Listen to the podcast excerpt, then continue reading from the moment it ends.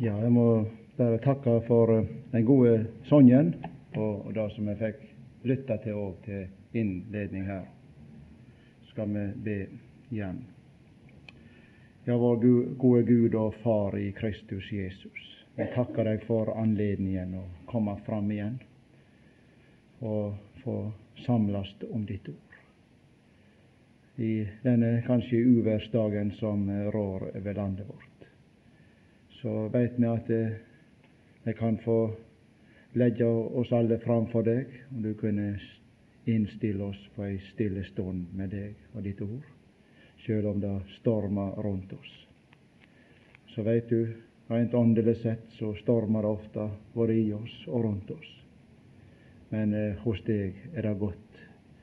Og jeg takker deg òg for at da det vi har fått alt lytta til her, Takk for at det kan være med og stemme hjertet til deg. Så ber vi for eh, landet og folket vårt i dag. Det er gjerne noen som er i havsnød og vansker på ymse vis. Vi veit at vi kan eh, legge alle ting fram for deg, og du vil lytte. Og du er den som er herre over naturen. Signa stunda for oss som vi har vært bedt om før. I Jesu navn. Amen.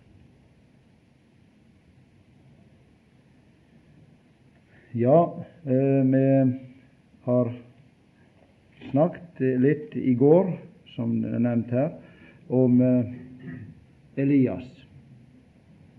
Og bare for å dra tråden opp igjen lite grann Vi prøvde å se litt i første timen i går på den, eh, de kår som Elias sto fram under. Å oh, ja. ja.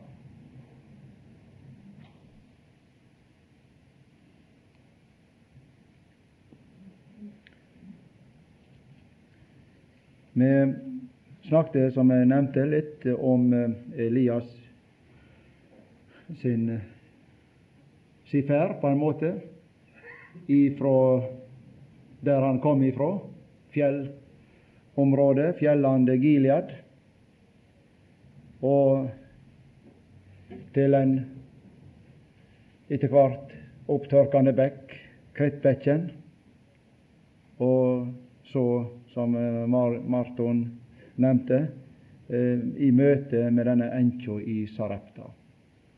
Og det var nok Guds vei og føring med han. Eh, dette her. Det må vi kunne si.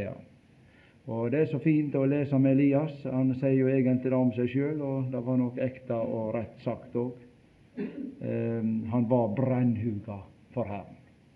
Det var det. Det står i kapittel 19 og vers 10. Eh, jeg har vært brennhuga for Herren. Det står flere ganger nevnt da at han tjente Herren både seint og tidlig. Så, sånn sett så er, er det han en eh, mann som viser oss veien å leve med Gud. Eh, en mann som vandrer på den gode vei, en vei som eh, er til det beste og til velsignelse for oss og for folket. Akkurat som Elias òg virkelig fikk eh, stå fram for folket. Eh, så er han et eksempel for oss. Ikke sånn å forstå at vi skal kunne gjøre og leve nett sånn som Elias gjerne gjorde. Eh, det står i Nytestamentet om Elias sto fram i ånd og kraft, nærmest den kraft som preger han, og de undergjerninger som han fikk være med på. Det er ikke sikkert det er noe eksempel for oss, men eh, holdningen hans til Herren, det er skrevet til formaning og hjelp for oss når vi anvender det. Eh, det som jeg har sett på nå han uh, i Guds kraft sto framfor sjøl den ugudelige kongen Akab. Og vi skulle tro at han sikkert Rent kjødelig sett så var det sikkert en viss prøve bare da.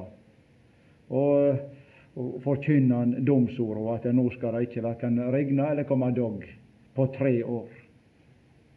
Og så får han igjen beskjed etter ei tid, da det er lei på tredje året, står det i kapittel 18, at nå skal han enda Nå må du komme fram igjen for kongen. Og eh, hadde han grunn til å være litt engstelig før, så var det enda større grunn nå. For nå hadde det virkelig vært ikke regna på tre år, og nå må vi regne med at kongen var nokså arg på han. Og Det står jo da at han var og søkte etter Elias. Eh, denne kona hans, som heter Jesabel, hun eh, eh, tok livet av Herrens profeter i harme over dette her. Det må man regne med. Og, og, men så, så hadde kongen en tjener som heter Obadja. Eh, og dette her utvikla seg slik at Elias han, Jeg skal ikke gå inn på det, men Elias kommer fram for kongen igjen, i, i møte med kongen. Og da er det at eh, det blir avtala et stort møte, offentlig møte, på Karmelsfjellet. Og Det er det vi skal prøve å ta fram litt om. Og Da leser vi fra første kongebok, kapittel 15, 18, og ifra vers 15. Vi leser nå først ifra vers 15 til vers 19. Da sa Elias, så visst som Herren, allherrs Gud, lever, Han som jeg tjener seint og tidlig. I denne dag skal jeg te meg fram for Akab. Så gikk Obadja sin veg. Han møtte Akab og bar fram budet. Og Akab gikk òg i vegen, ville møte Elias. Med same Akab vart var Elias, sa han til han, er du der, du som fører ulukka over Israel? Elias svarer, det er ikke jeg som har ført ulukka over Israel, men du og ett av de, med de det har vendt dykk fra Herrens bud og fulgt baalane. Men send nå bud ikring og få hele Israel til å samle seg hjå meg på Karmelfjellet. Og likeens de 450 Baals profetene de 400 Astarte-profetene som går til bords hjå Jesabel. Han tar med vers 20 òg. Så sende Akab bud ikring til alle israelsborna og stemde profetene i hop til Karmelsfjellet.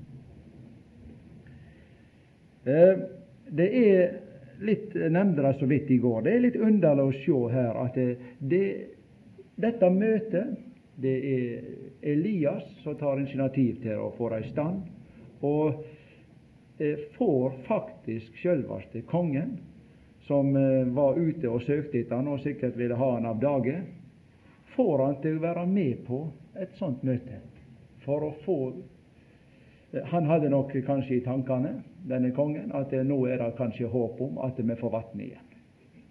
Slik at, at, at, det kan komme inn i normalt gjenge her. Det var nok det han hadde i tankene. Det må vi tro.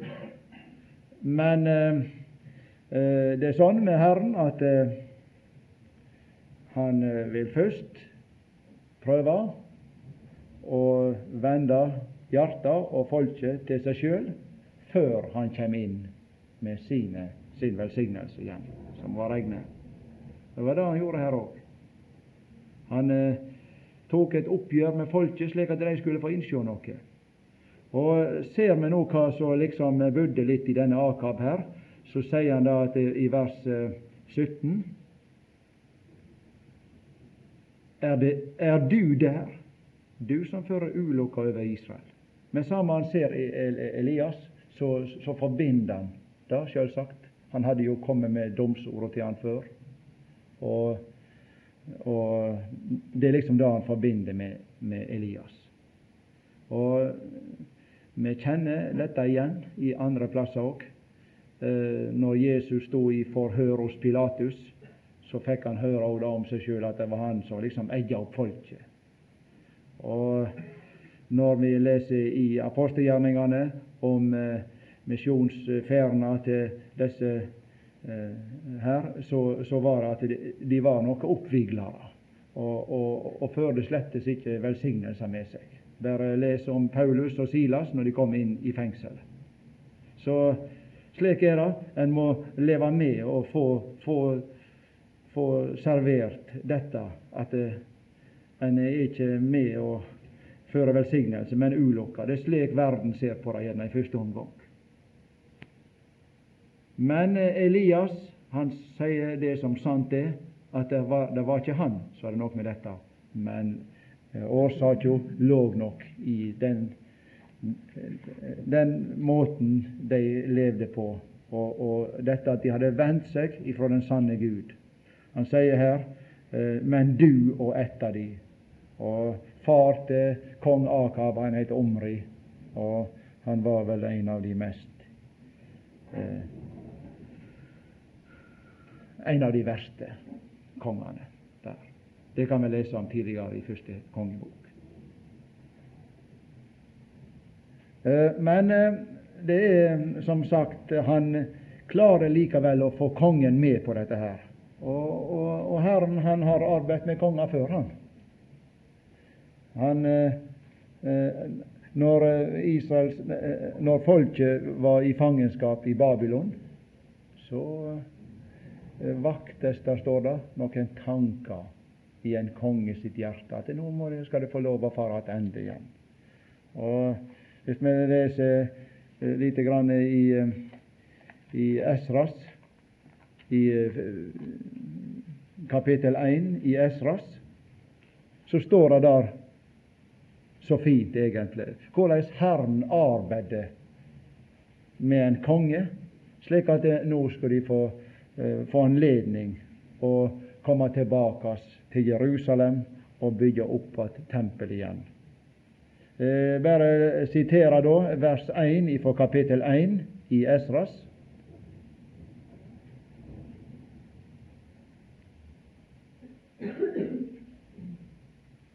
Det var i første styringsåret åt Kyros, perserkongen, så står det så betegnende, da vekte Herren, som ville at det skulle gå fram det han hadde tala gjennom Jeremias sin munn. Slike, altså Herren vekte slike tanker i Kyros, perserkongen, Slike. Perserkongen, at han let ropa ut i hele sitt rike, og enda til kunngjera i brev, osv. Så, så eh, han har klart å vende andre til seg. Og Dette er andre ord for òg, men eh, eh, vi kan kanskje sitere et ord til, som eh, ifra Salamos ordspråk, kapittel 21, og vers 1 da.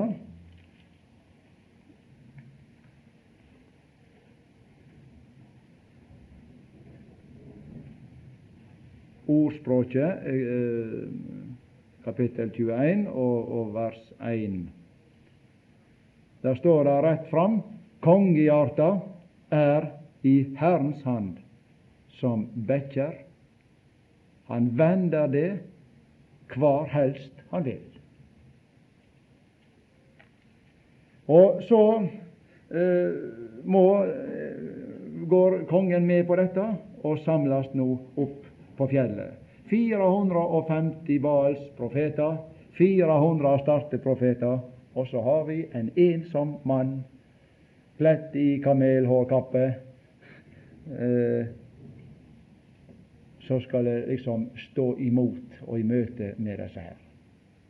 Sånn er situasjonen. Og vi aner nok da at hvis ikke han henter sin styrke og kraft fra andre plasser, så, så hadde det ikke gått, dette her. Men det er utrolig, de som har Gud å gjøre. Se bare på når denne vetle tassen David møter Goliat. Det skal ikke mye til, men det er noe vi har med Gud å gjøre. Og, og når vi leser utover, nå skal vi lese litt videre, så er det akkurat så Elias satser alt på Herren, på en måte. Og visst, visst nå hadde det, han hadde blitt til skamme, Elias, så hadde liksom alt blitt tapt. Da hadde han dreget Gud ned i støvet, hadde jeg sagt. Men han, han, han levde i tro og tillit til Gud, og kunne ta på og møte opp med disse ugudelige. Det er da å ta på et sånt møte, være med på et sånt møte.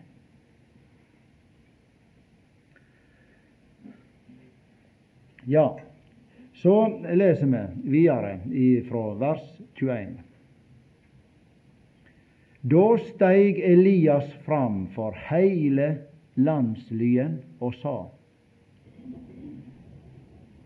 Hvor lenge vil det halte til begge sider?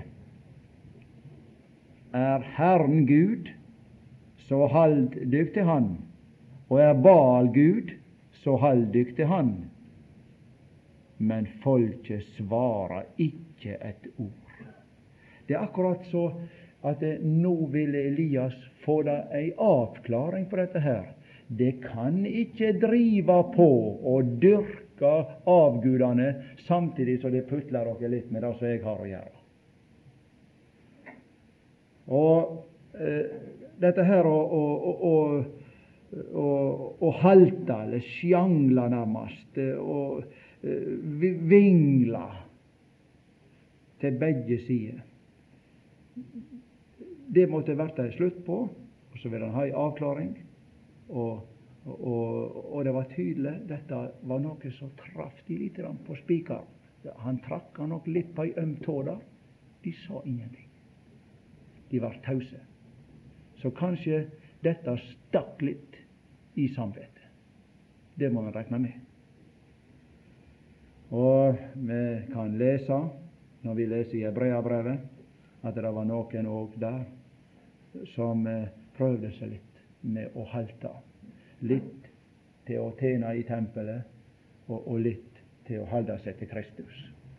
Og nærmest, Derfor ble jo nærmest hele hebreabrevet skrevet òg, som ei advaring mot dette her.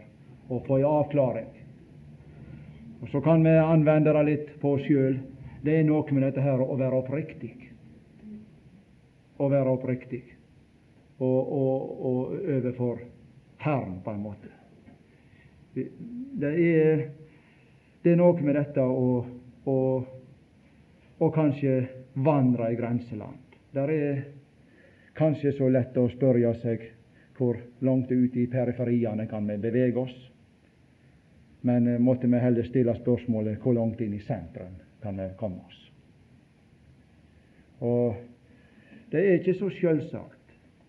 Eh, vi taler kanskje om ungdommene, og det er så at de har en fot her og en fot der, men kanskje vi kunne rette det til oss sjøl òg. Det er så lett før at vi i vårt hjerte kanskje har en fot her og en fot der. Det er nok med det. Og sier vi ja til Herren, så må det òg medføre at vi sier nei til noe. Og vi veit jo ifra Guds ord, som han eh, nevnte i går, han sjøen her, at eh, når det gjelder dansen rundt gullkalven Det var noe som vektes harmen når han så det. Han hadde ikke før snudd ryggen til dem, så, så, begynte de til med dette her, og laga seg til med noe, en gullkalv, osv. Og jeg har somme tider tenkt da, i, i vår tid er det noe som eh, jeg iallfall kaller for miljøhysteri. Og jeg hadde så nær sagt det er en slags dans rundt gullkalven da. Altså. Det er bare da at, at vi putler oss mer litt på skolen, dette her, og, og, og snakker om at vi skal holde rent miljø og miljøforureining og alt dette her. Det, det er så. Og vi skal ikke bære oss åt som noen natursvin. Det skal ingen gjøre. Men når dette her nærmest blir preiketekster og så er det at det kommer totalt for utenfor målet. Altså. Det, det er dans rundt gullkalven. Ikke noe annet. Og Det er skuffende at det nærmest enkelte kan få seg til å stå og preike nærmest om slikt i, beste taletid, altså. Det er å være opptatt med saker og ikke saken. Så han ville ha en avklaring, og måtte da tale litt til oss dette òg, at eh, vi står alle i fare for å, å halte, om ikke så mye ytre sett, men kanskje i vårt sinn og i vårt hjerte så, så står vi i fare for å sjangle og vingle til begge sider. Vi gjør det, og måtte det tale til oss. Og så sier han her eh, folket de tagde. Og så sier han i vers 22 Så sa Elias til folket. Det er akkurat som han hadde folket for seg. Disse profetene de eh, var jo nevnt spesielt her oppe tidligere. De vet ikke jeg om han så noe eh, Om han gjerne hadde dem med i tankene òg, det hadde han nok. Men eh, han talte til folket. Jeg er den eneste som er att av Herrens profeter, men Baalsprofetene er 450 mann. Der ser vi det igjen. La oss nå få to okser som eh, det må velge. Så må det velge seg den ene oksen og leme han sund og legge han på veden men de må ikke kveikje eld på. Og jeg skal lage til hin oksen og legge han på veden, men ikke kveikje eld på. Kalla så det på guden dykkar, så vil jeg kalla på Herren. Og den guden som da svarer med eld, han er det som er Gud. Da svarer heile folket det var vel tala. Eh, på engelsk står det litt slik eh, Han er den, altså eh, midt inne i verset der, og den Guden som svarer med eld, lat han være Gud, står det på engelsk. Det er litt betegnende, det uttrykket. Men når vi nå ser på liksom, hvordan dette her skulle utprøves, så, så var det med eld. Og eh, det er litt betegnende, da, for disse her som dyrka Baal, de hadde litt av dette religiøse ritualet sitt med å så nærmest gå og trakke i noe eld. Eh, eh, det står vel et ord om det. Eh, jeg kunne kanskje eh, sitere eh, litt nettopp bare det. Ifra Skal vi sjå eh, Ja, eh, det står i en av eh, kongebøkene dette der, jeg hadde notert men jeg kunne ikke finne det i farten her, om litt av det at det, går iallfall fram da at dette med eld det var liksom ikke ukjent for dem, for de hadde det med liksom i sitt rituale. Så, og Det er litt betegnende da at det, akkurat dette liksom nå benytter Elias seg òg, og på Herrens vegne av, at det, det er liksom eldprøven. Vi skal prøve ut teksten. Det kan jo være greit å bare ha det nevnt. Andre kongebok, kapittel 16, der står vers 3.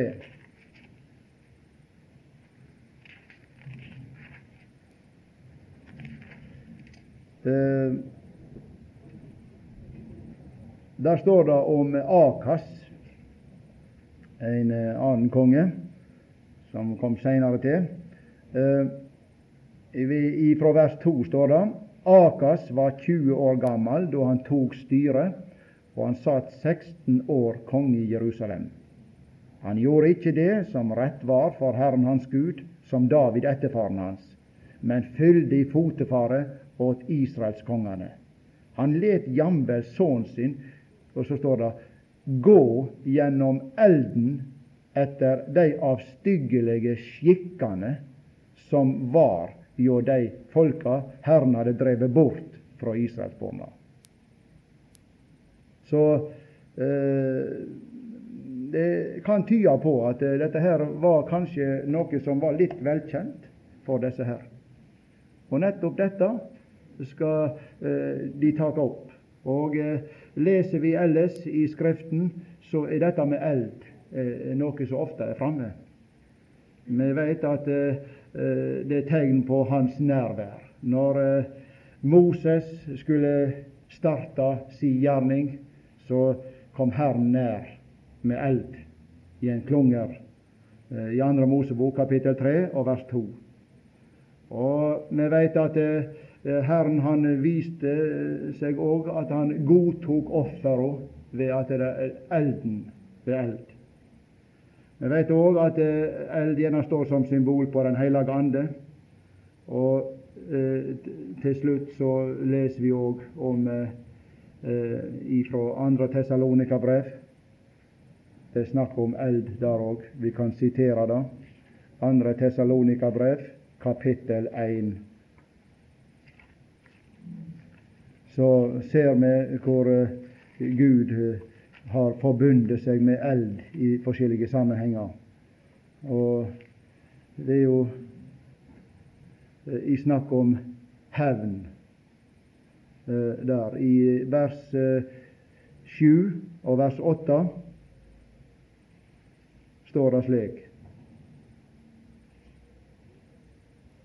Og gjeva dykk som vert trengde, ro saman med oss når vår Herre Jesus åpenbærer seg fra himmelen med, sitt, med sin veldes engler, med lågande eld, når han tek hevn over dei som ikke kjenner Gud, og dei som ikke lyder vår Herre Jesu evangelium. Dei som skal lia refsing, ei evig fortaping bort fra Herrens åsyn og fra Hans veldes herligdom. Så det er, er tale om eld i den sammenhengen òg. Og så skal vi gå tilbake eh, eh, og se hvor dette bar seg til.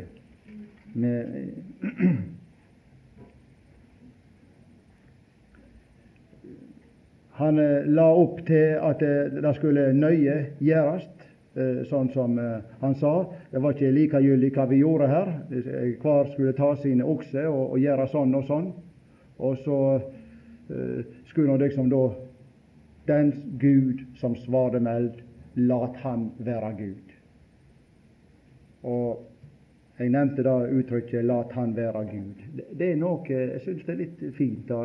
Med, Somme tider så vil vi opphøye oss sjøl og gjerne ikke la Han være Gud. Det er noe med dette å sette Gud på trona i hjertet vårt. Og la Han være Gud. La Han være Gud. Eh, slik at eh, Han får vise seg som Gud for oss. Og disse avgudene som de hadde, det var sannelig ikke så mye å skryte av. Så de, de, eh, nå kan vi nå lese videre her eh, litt. Så sa Elias til Baals profetene, vel dykk nå en av øksene, det skal ofre først, siden det er de fleste. Kalla så på Gud dykkar, men kveik ikke eld. Så tok de oksen han hadde gjeve dei, og laga han til og kalla på Baal fra morgen til middags og ropa Svara oss, Baal! Men det høyrest inga røyst. Det var ingen som svara. Imens hinka de kringom alteret de hadde reist.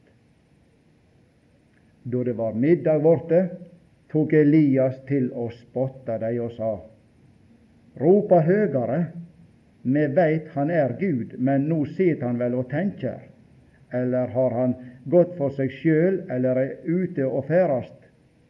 Kan hende han søv, da vaknar han vel. Eh, eh, det er jo litt underlig å lese dette her, og, og kanskje Elias spiller litt stort her, litt høyt. Eh, men, men det er noe med her, denne spydige, litt spydige, ironiske talen. Og det, det, er et våpen som vi skal være uhyggelig forsiktige med. Det, det er grunnen. Men uh, er, en kan jo finne andre plasser i, her, i, i, i Guds ord òg, der uh, Herren nærmest uh, har en lignende tone. Herren ler nærmest. Så det er jo en spydighet, en slags spydighetsånd i dag. Når vi ser på hvor langt folket var kommet, og, og hva de hadde prøvd seg med så, så er det somme tider at Herren gjerne må, må, gripe til en sånn tone for at de i hele tatt skal innse noe annet. Og, men som sagt, det er et, eh, et våpen som vi skal bruke med varsomt. Og vi liker aldri å høre en ironisk tale. Eh, jeg sier ofte når jeg starter skoleåret med elevene, at eh, spydighet, det vil vi ikke ha. En kan være uenig med ting som blir sagt og gjort. Så er det enkelte da som uh, slenger ut en ting i en spydig ånd, og ironisk og, og veldig kaldslikt. Det er liksom veldig lett for at det da blir stopp på all kommunikasjon. Og Sånn er det i grunnen mellom oss alle. Derfor så skal vi bruke det med uhyre varsomhet, slike ting. Men Eh, disse fattigsle avgudsdyrkerne, de, eh, de, var så, eh, så fattige hadde nær sagt i sin sjel at de, de beit på dette her og, og ropte enda høyere, står det. Det er så løye å lese. Da ropte de enda høyere, og til og med rispa med sverd og spyd, som de hadde for vis. Akkurat som de liksom tok i bruk litt av disse skikkene som de hadde var vane med til blodet til blodet siler av dem.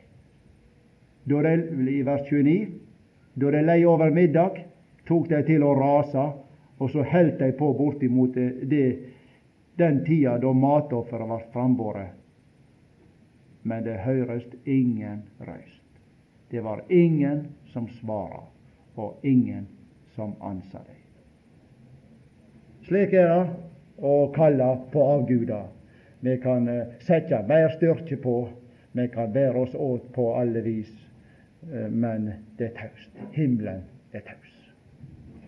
Og det er så det har vært sagt òg, at eh, enkelte har sagt at disse, de måtte de måtte draske på av gudene sine, men vi som hører Herren til, vi skal sannelig få glede oss med det at Han ber oss. Vi har en Gud som ber oss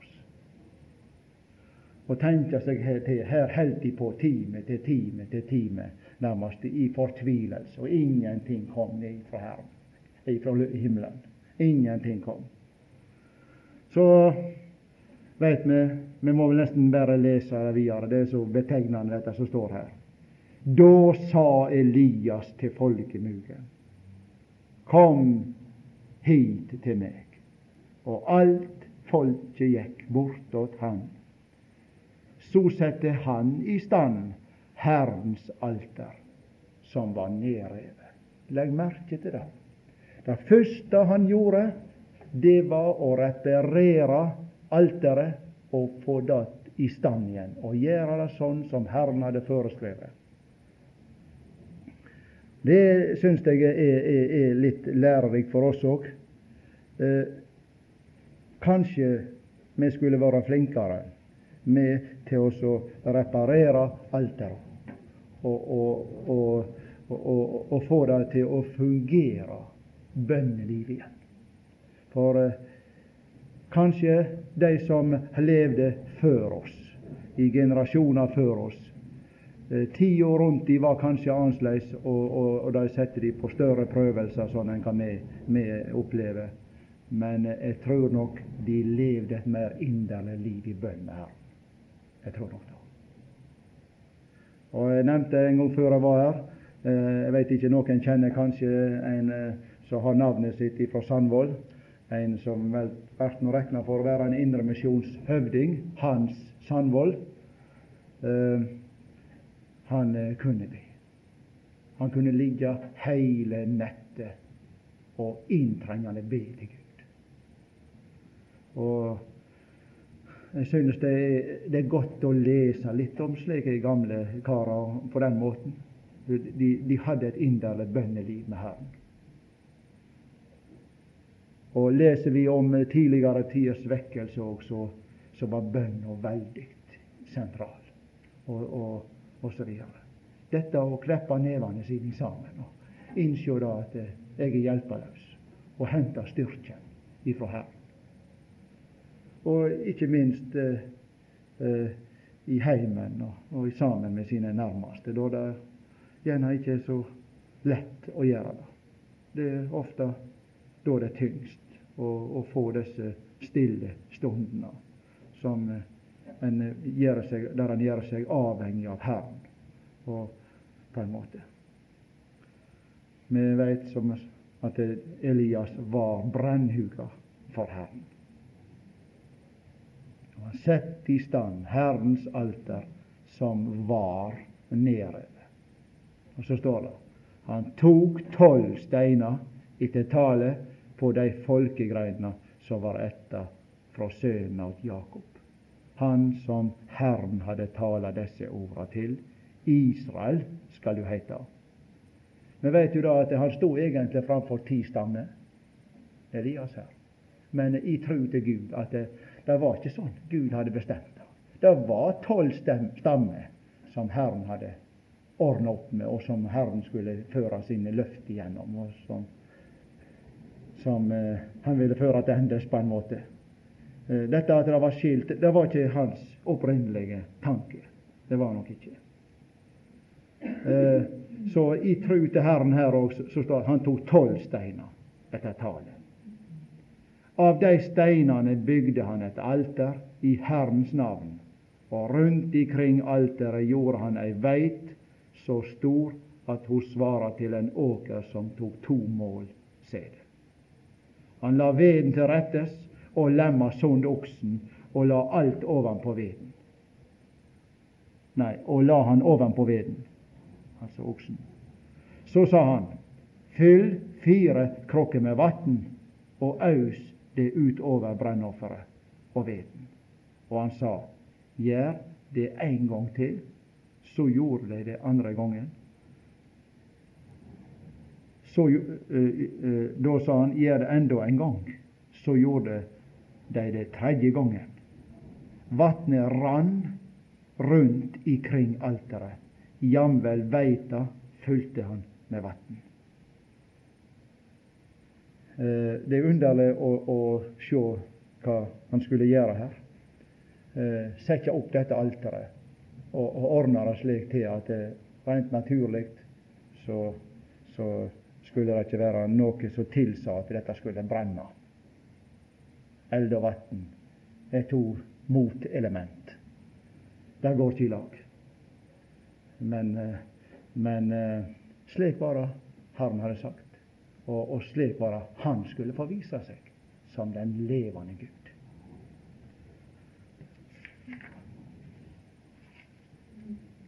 Eh, og vi vet, eh, de kjenner denne beretningen. Det er jo litt eh, kjent, sikkert. Men eh, la oss nå bare lese det så det står. Vi bare siterer litt videre.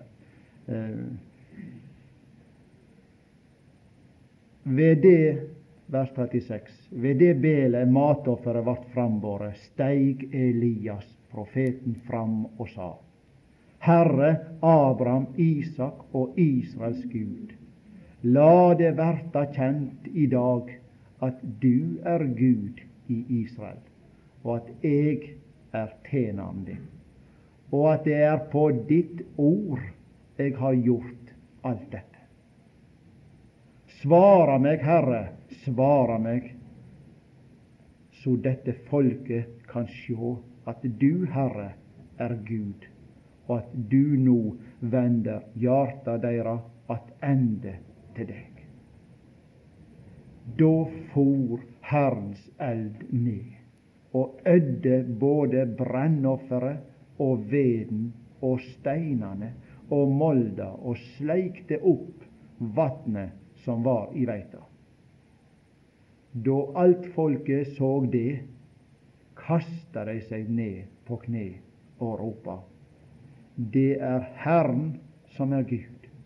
Det er Herren som er Gud. Jeg synes det er, er noe flott når hvis vi ser litt, i, litt innom Elias her, hvor eh, som han satser satsa alt på Herren her. Og, og eh, det er noe, jeg synes det er noe majestetisk, eh, guddommelig, hadde jeg nær sagt, med han.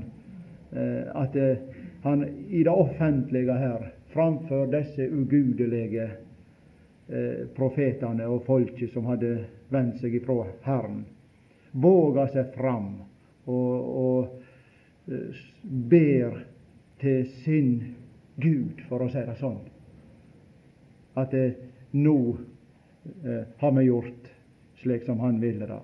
Og, og nå eh, må vi stå, står han fram på, på, hans ord, liksom.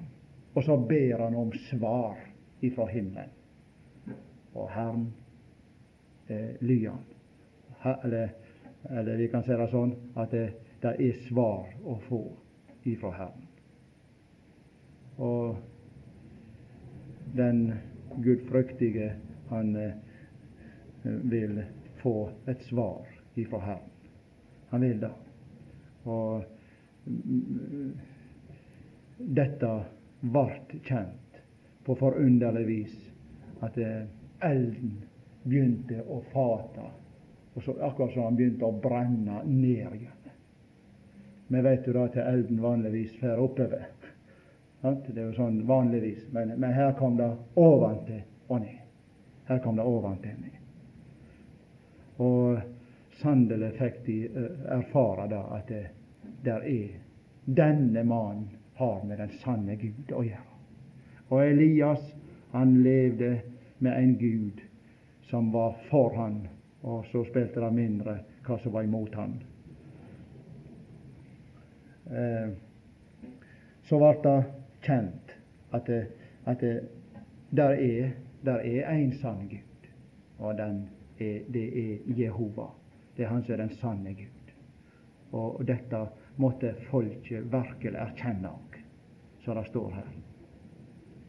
De, de sier 'Det er Herren som er Gud'. Så måtte kanskje Kanskje tida kjem dertil at det, om ikke vi kan være med på å gjøre sånne overnaturlige ting som Elias gjorde her, så må kanskje Herren føre oss på lignende vis, kanskje. For eh, folket vårt har egentlig i sitt hjerte òg avsett den sanne Gud og er begynt å tilbe avguder. De har det. De folket som vi møter rundt oss, er på mange måter i, i en samme situasjon og, og Sånn sett så, så er, vi, er, vi, som, som Elias. Og, og, og, vår vei, det er til å brenne for Herren. Det er til å brenne for Herren. Og leve ut det som står skrevet. Og på den måten så kan folket få litt innsyn i at vi har med en levende Gud å gjøre. Vi har med en levende Gud å gjøre. Og så er det når denne store tjeneren har stått i rampelyset, så hva gjør han så? Ja, så går han ikke rundt og, og, og, og ber om applaus fra folket, liksom. Står på scenen og, og ber om at nå, nå må det takke og prise meg liksom, for det som jeg har gjort. Nei, nå stikker han vekk. Nå stikker han vekk og aleine med Herren. Det er òg til lærdom for oss. At eh, tenke seg til at det, hva egentlig Hvis vi ser det sånn Elias hadde fått gjort her, så skulle han kunne nærmest vente at alle skulle tilbe ham. Og det gjorde de, de så nok opp til den som en stor mann. Om ikke før, så gjorde de etter dette her. Men eh, Elias, han, eh, vi skal lese det som står der.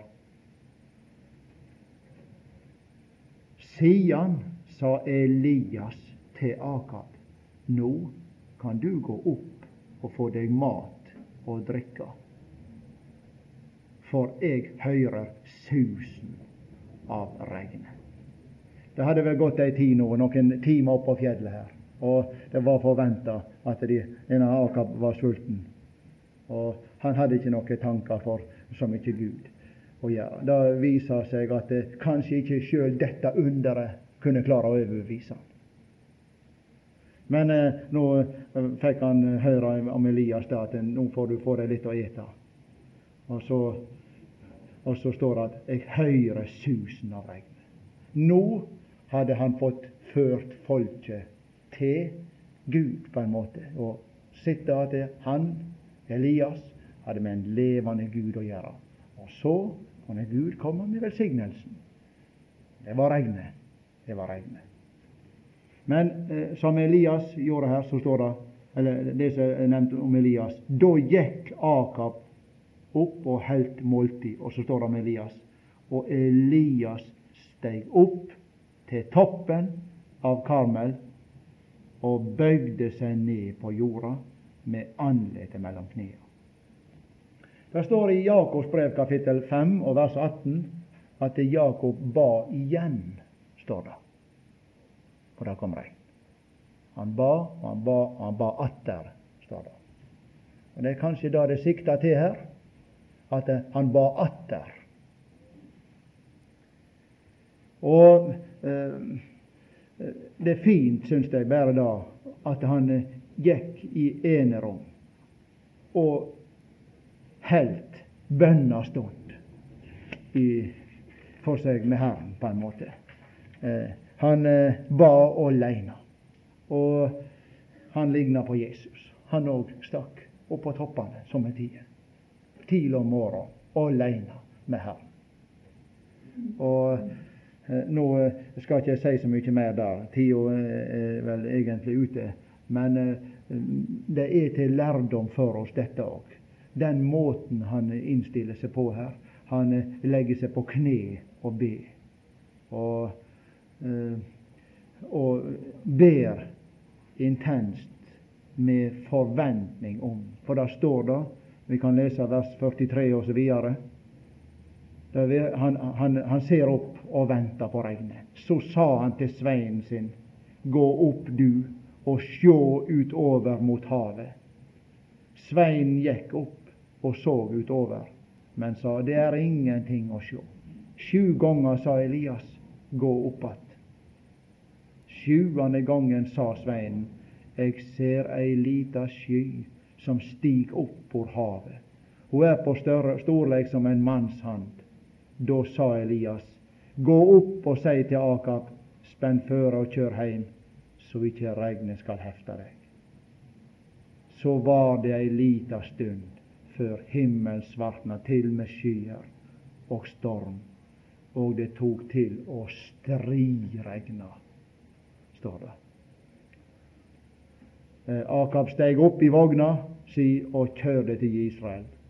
Og Herrens hand kom over Elias han batt beltet kring seg og sprang føre Akab alt til Israel.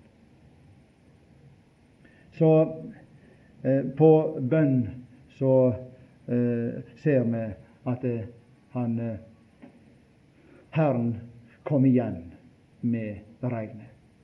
Han gjorde det. Og, og uh, hele måten han steg fram på her, er til eksempel for oss. Det står om disse vakterne. Vi kunne kanskje sitere det fra Salme 130. Uh,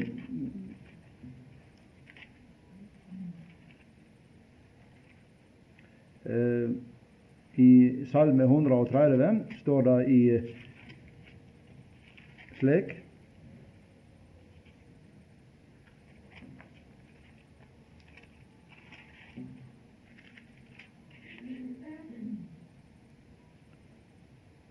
Vers 5. Jeg vonar på Herren, mi sjel vonar, og jeg venter på Hans ord.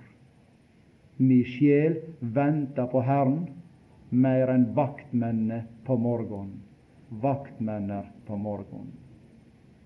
Disse vaktmennene de eh, var plassert eh, ved bymuren, og så speida de etter nærmest ting som kunne tenke, så ut til at det, nå var soloppgang. Og når det endelig skjedde, så, så blåste de. Og så vet vi at det, da var det signal om at det, det som var kalt for morgenofferet, det kunne bringes fram i tempelet. Og det er dette å be og å forvente noe. Og, og leve i forventning om at Herren vil oppfylle det.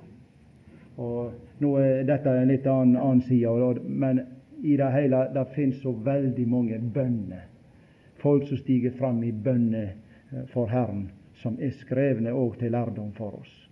Og som kanskje er, ekstra mye godt og byggelig å, å lese. Og som jeg nevnte, dette med bønn.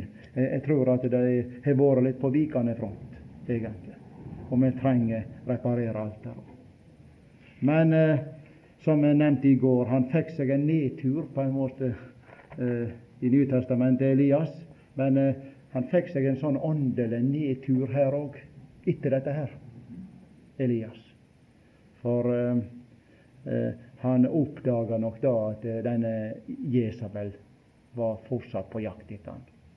Og I stedet for å, legge dette fram for Herren og, og leve i tru til Han, at han kunne berge han igjennom sjøl om hun var etter han, så på en måte tok han og flykta, han òg.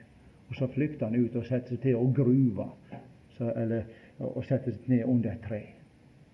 Det var nok en svakhet i hans karakter å bære seg åt på den måten. Men Herren kom til han, og dette kunne jeg kanskje ta fram ved et annet høve. Men det er så fint at eh, Herren han eh, legger fram disse sine òg ved Elias, slik at eh, han var et menneske, han òg. Han var ikke noen sånn overnaturlig mann. Han var et menneske under samme kår som oss.